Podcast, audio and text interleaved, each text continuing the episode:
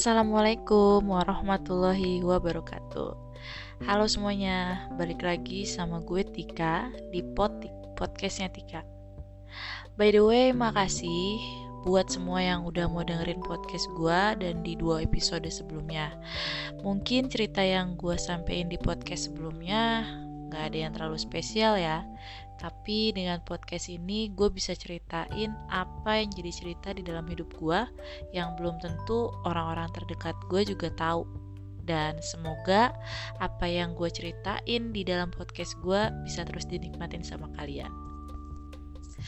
Beberapa hari lalu gue sempat buat polling di Instagram gue yang followernya ya cuma 30 orangan lah tentang bahasan apa sih yang mau gue bahas di podcast gue.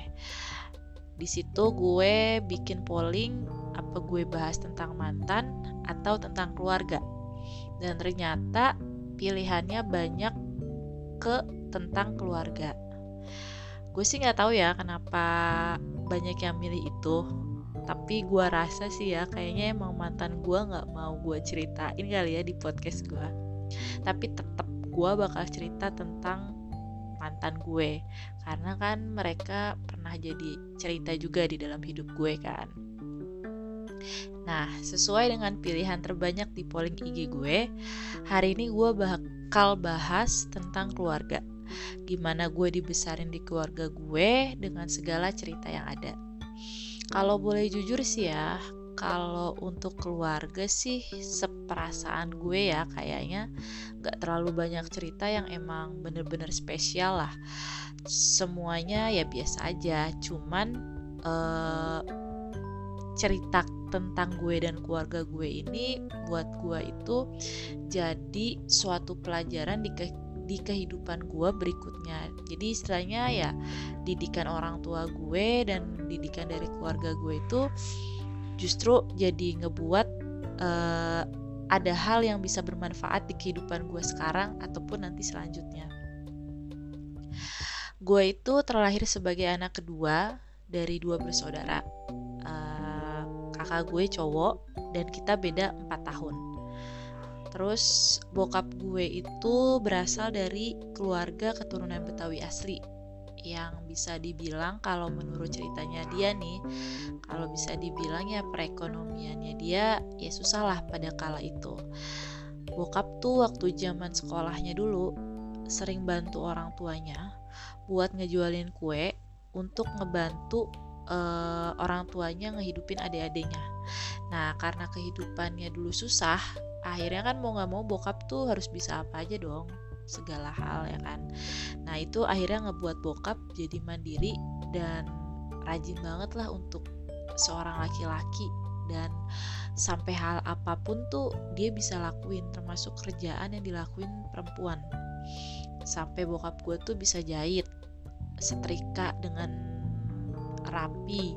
Terus sampai uh, dia tuh mau ke pasar untuk belanja keperluan apa keperluan rumah tangga.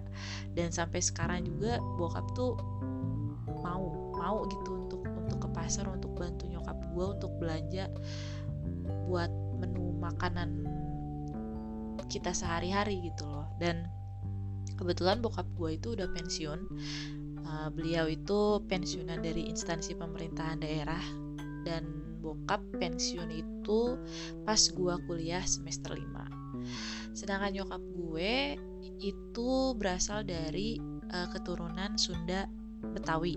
Dan kalau bisa dibilang ya dia terlahir dari keluarga yang emang lebih baik lah secara ekonomi dari ekonomi bokap gue. Tapi bukan berarti dia tuh uh, bukan berarti itu keluarga nyokap tuh yang kayak mentereng atau apalah gitu. Enggak sih tetap biasa aja tapi tercukupi tercukupilah apa yang jadi kebutuhan di uh, keluarga nyokap. Nyokap gue anak ketiga dari enam bersaudara dan keluarga nenek gue dari nyokap artinya ibunya dari nyokap gue ini bisa dibilang itu keturunan Betawi yang bukan yang Betawi yang susah-susah amat gitu loh makanya dulu anak-anak dari nenek gue sebagian itu bisa kuliah Padahal dulu kakek gue itu cuman kerja sebagai tukang jahit jok mobil sama adalah bengkel kecil-kecilan gitu. Nah, tapi alhamdulillah ya lumayan dan bisa sampai nyekolahin tiga anaknya sampai ke perguruan tinggi. Cuman nyokap gue akhirnya eh, nggak melanjutkan sekolahnya sampai ke perguruan tinggi karena waktu itu nyokap pengen kuliah di uh, kampus swasta yang isinya itu anak-anak orang kaya yang bermobil dan ya lumayan lah kampus kampus itu masih terkenal banget sampai sekarang dengan gaya borju-borju mahasiswanya lah. Dan otomatis ya pada zaman itu nenek gue nggak kuat lah untuk ngebiayainnya ya hasilnya nyokap cuma lulusan SMA setelah itu kerja. Nah sedangkan uh, dua kakaknya nyokap gue ini dulu uh, kuliah di kampus negeri yang otomatis ya masih bisa dibiayai lah karena kan mungkin jauh lebih murah ya dibandingkan kampus swasta pada saat itu. Ya kalau gue bisa bilang sih emang nyokap gue udah terlampau gaul lah pada saat itu dan nyokap gue sampai sekarang masih kerja di salah satu rumah sakit di Jakarta sebagai staf tata usaha pendidikan uh, untuk mahasiswa kedokteran di salah satu untuk salah satu kampus negeri terkenal di Jakarta. Dan tahun 2021 nanti nyokap bakal pensiun dan nikmatin masa tuanya bareng bokap dan insya Allah sama cucu-cucunya. Amin. Nah, walaupun bokap nyokap gue itu hanya lulusan SMA, tapi mereka berdua tuh pengen anak-anaknya punya pendidikan tinggi, lebih dari mereka. Sebagai pegawai pemerintah pada saat itu, mana cukup ya buat nyekolahin anak sampai kuliah. Ya paling cukup buat urusan makan sama lain-lain. Tapi mereka tetap tuh mau anak-anaknya lebih dari mereka. Makanya untuk urusan didik anak, nyokap tuh nyokap gue tuh termasuk didikannya tuh keras sama strength banget. Dan uh, ada hal yang selalu dibilang sama nyokap gue adalah uh, ketika anaknya udah pada besar, dia bilang sama gue gini, sekalipun kamu susah, yang penting kamu bisa, yang penting kamu masih bisa makan. Setidaknya kamu gak punya hutang. Dan nyokap cerita bahwa dari dia nikah sama bokap gue sampai anak-anaknya gede, sampai anak-anaknya kuliah, itu tuh nyokap tuh nggak pernah nyokap bokap gue tuh nggak pernah yang namanya hutang. Jadi kalau zaman sekarang kan kita tuh mau apa apa kredit. Misalnya kita mau handphone kredit terus kita mau beli kita mau mobil kredit gitu kan. Dan nyokap bokap tuh bukan yang seperti itu gitu loh. Jadi kayak ya udah gue mampunya segini yang penting gue masih bisa makan anak-anak gue masih bisa makan terus kebutuhan keluarga masih bisa terpenuhi anak-anak gue masih bisa sekolah ya udah. Untuk urusan tersier ya udah nanti aja yang penting yang utamanya nih terpenuhi gitu. Itu prinsipnya nyokap bokap gue. Dan itu jadi pelajaran pertama buat gue juga.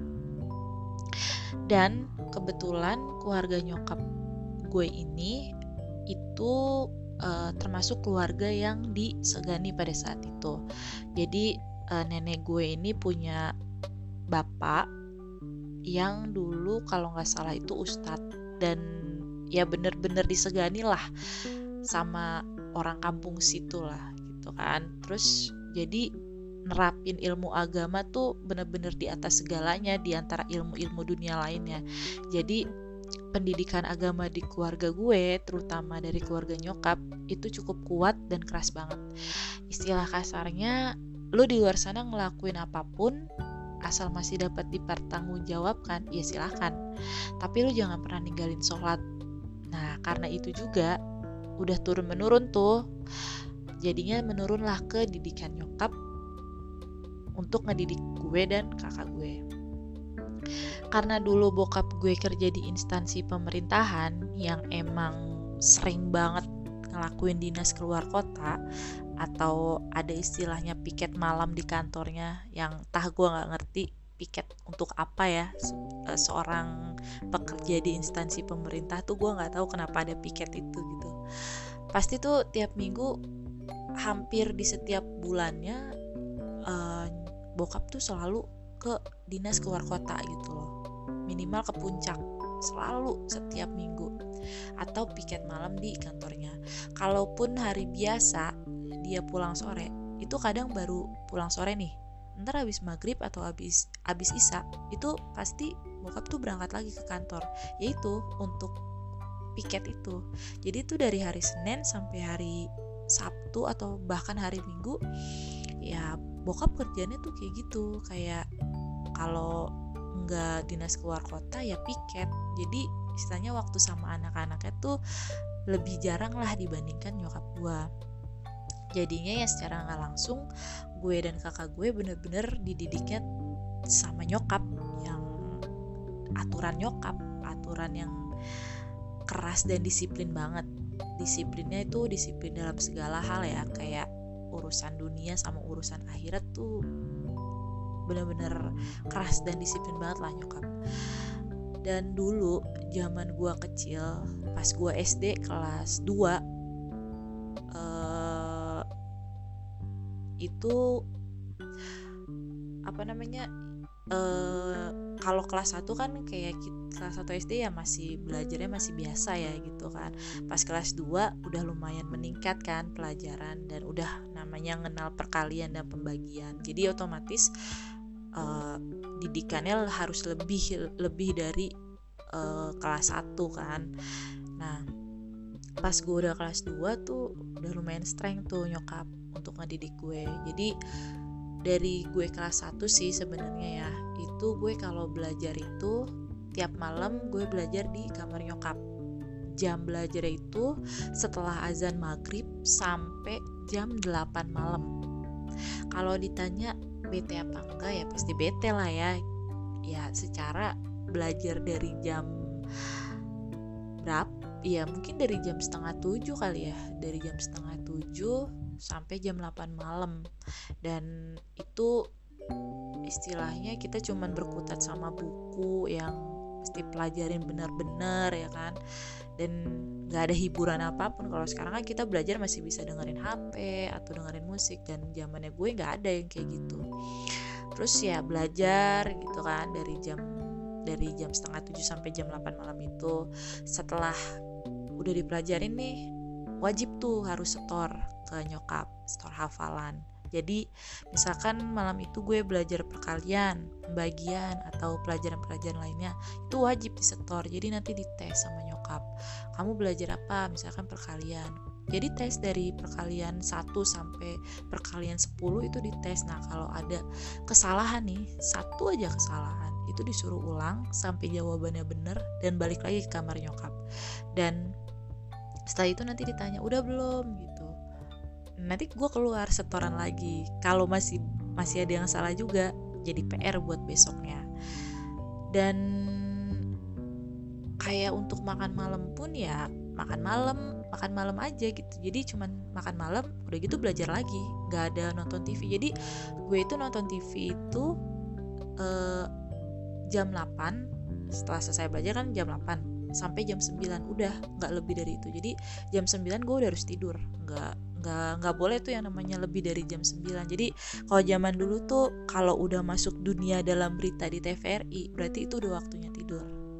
Dan kalaupun kita lagi belajar gue lah ya secara pribadi gue lagi belajar nih terus gue mau ke toilet atau alasan gue ke toilet untuk ngapain lah untuk nge-refreshin otak itu tetap gue harus izin dan gue nggak boleh keluar kamar kalau nyokap gue itu belum buka hordeng buka gorden ya dan ngizinin gue untuk keluar. Dan kalau emang gue keluar untuk ke toilet ya ke toilet. Gue nggak boleh ngeliat ke mana-mana. Nggak boleh yang namanya melipir ke ruang tamu untuk nonton TV itu nggak boleh. Jadi toilet ya lo toilet gitu kan. Setelah dari toilet langsung balik belajar lagi sampai jam belajarnya selesai. Dan itu kedisiplinan yang diajarin sama nyokap gue. Dan didikan seperti itu dari sisi belajar gue itu berlangsung sampai gue masuk SMP baru tuh setelah gue masuk SMP karena gue udah tidur sendiri kan udah punya kamar sendiri jadi gue belajar otomatis sendiri dong di kamar. Tapi tetap kontrol dari nyokap tuh tetap ada. Yang bisa-bisa tuh kayak nyokap tuh masuk ke kamar tiba-tiba terus ngecek belajar nggak nih anak? Kalau ditanya kamu udah belajar? Udah dites tetep dites tuh tetap ada.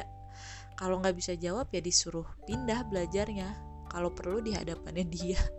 Dan sampai segitunya sih dan uh, sampai menjelang SMA paling cuma ditanya kamu udah belajar atau belum? Udah nggak ada lagi sih tes tesan gitu karena kan istilahnya kita udah udah masuk SMA tuh udah ngerti lah tanggung jawabnya kan.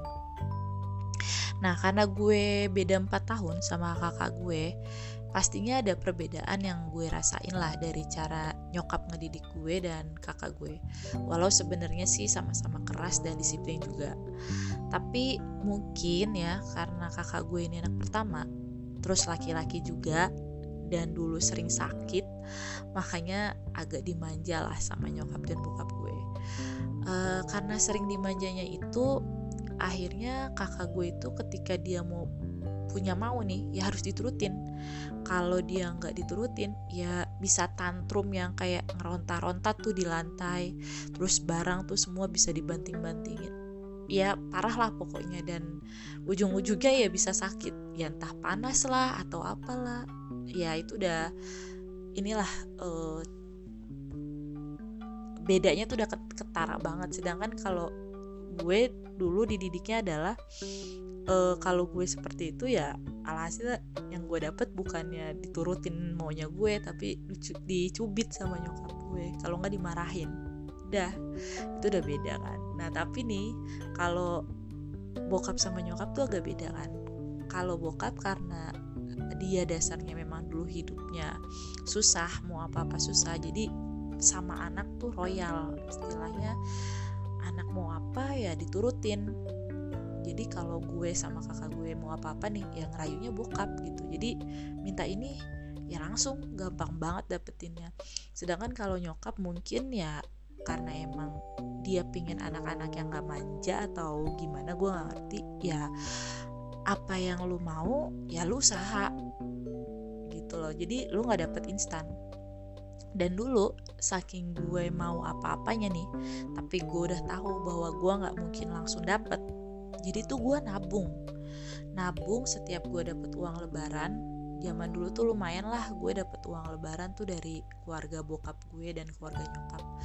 Terus sama dari sisa-sisa uang jajan gue dan itu gue tabung. Sampai pada saat gue SD itu pernah kekumpul uang gue itu sampai 5 juta. Lu bayangin dong anak SD bisa nabung sendiri itu sampai 5 juta.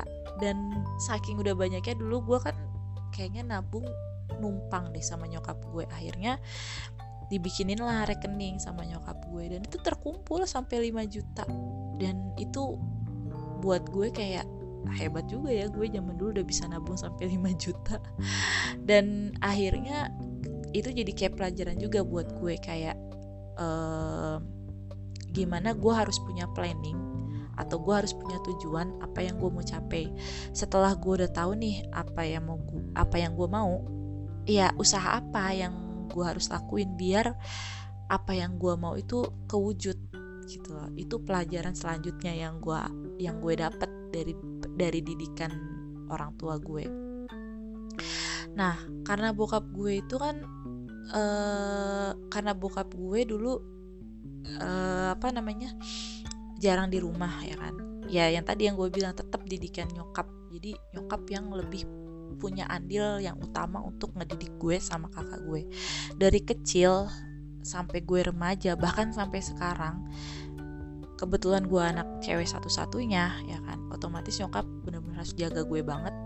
Itu nyokap itu menerapkan yang namanya jam main jadi kalau main sama siapa pun itu gue harus lapor. Sekalipun sekarang nih gue udah gede gue jalan sama pasangan gue pun gue tetap harus lapor.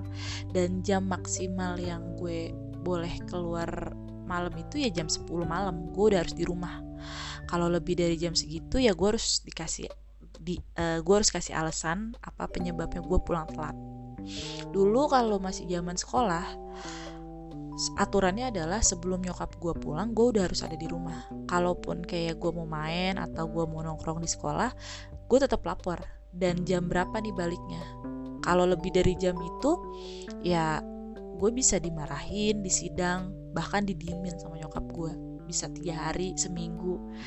Ya pokoknya disiplin waktu juga sama disiplin tanggung jawab juga gitu loh. Jadi nyokap tuh ngajarin kamu tuh boleh ke mana-mana gitu loh. Tapi kamu harus tanggung jawab. Kalau kamu udah bilang A ya A.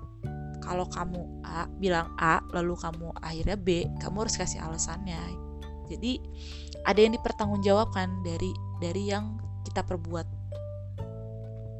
Dan kalau dari uh, keluarga besar gue mungkin ya didikannya ya cuman biasa aja kali ya karena kan memang sehari harinya gue sama orang tua gue aja. Kecuali dulu waktu gue kecil sampai gue SD itu gue uh, tinggal kalau dari pagi sampai siang itu gue selalu di rumah nenek gue. Jadi waktu gue belum sekolah itu gue sering diajak ngaji sama nenek gue. Jadi sering diajarin uh, baca ikro sampai Al-Quran. Pokoknya ya tetap didikan agamanya lah kalau nenek gue. Dan sedangkan kalau kakek gue itu lebih kayak manjain cucu-cucunya. Jadi kayak bagian ngasihin duit nih. Karena zaman dulu usaha kakek gue tuh lumayan rame banget dan tiap hari tuh gue bisa dapet duit lah dari dia.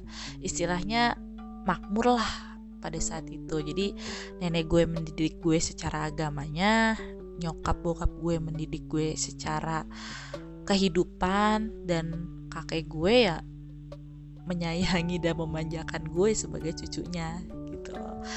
Dan sebenarnya masih banyak cerita tentang gue dan keluarga gue. Tapi kalau gue cerita semuanya ya mungkin bisa berepisode episode ya yang episodenya berlapis-lapis seperti sinetron di Indonesia.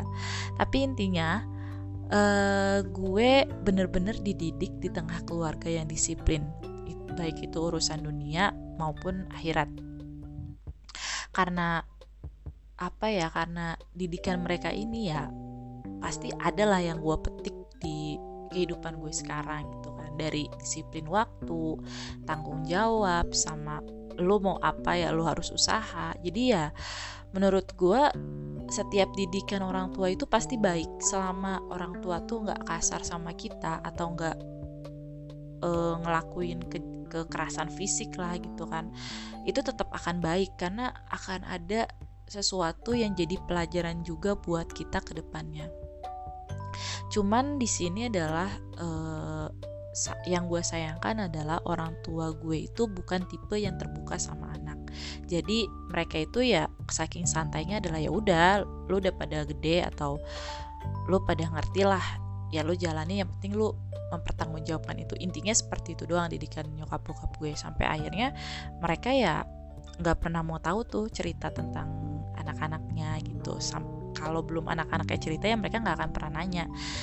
Justru itu malah jadi efek buat gue buat kehidupan gue gue malah jadi orang yang lebih tertutup dan jadi memilih banget untuk untuk lingkungan hidup gue karena gue lebih memilih temen atau pasangan yang emang bisa jadi pendengar gue yang baik. Karena kan gue nggak punya tempat yang nyaman buat cerita gitu kan. Dan gue juga bu nggak mendapatkan tempat yang leluasa untuk bercerita ke orang tua gue karena orang tua gue yang memang tidak terlalu terbuka untuk hal itu. Dan akhirnya karena hal itu juga kayak nim kayak bikin uh, apa ya sifat gue tuh malah jadi pengen didengar dimanja egois sama emosi.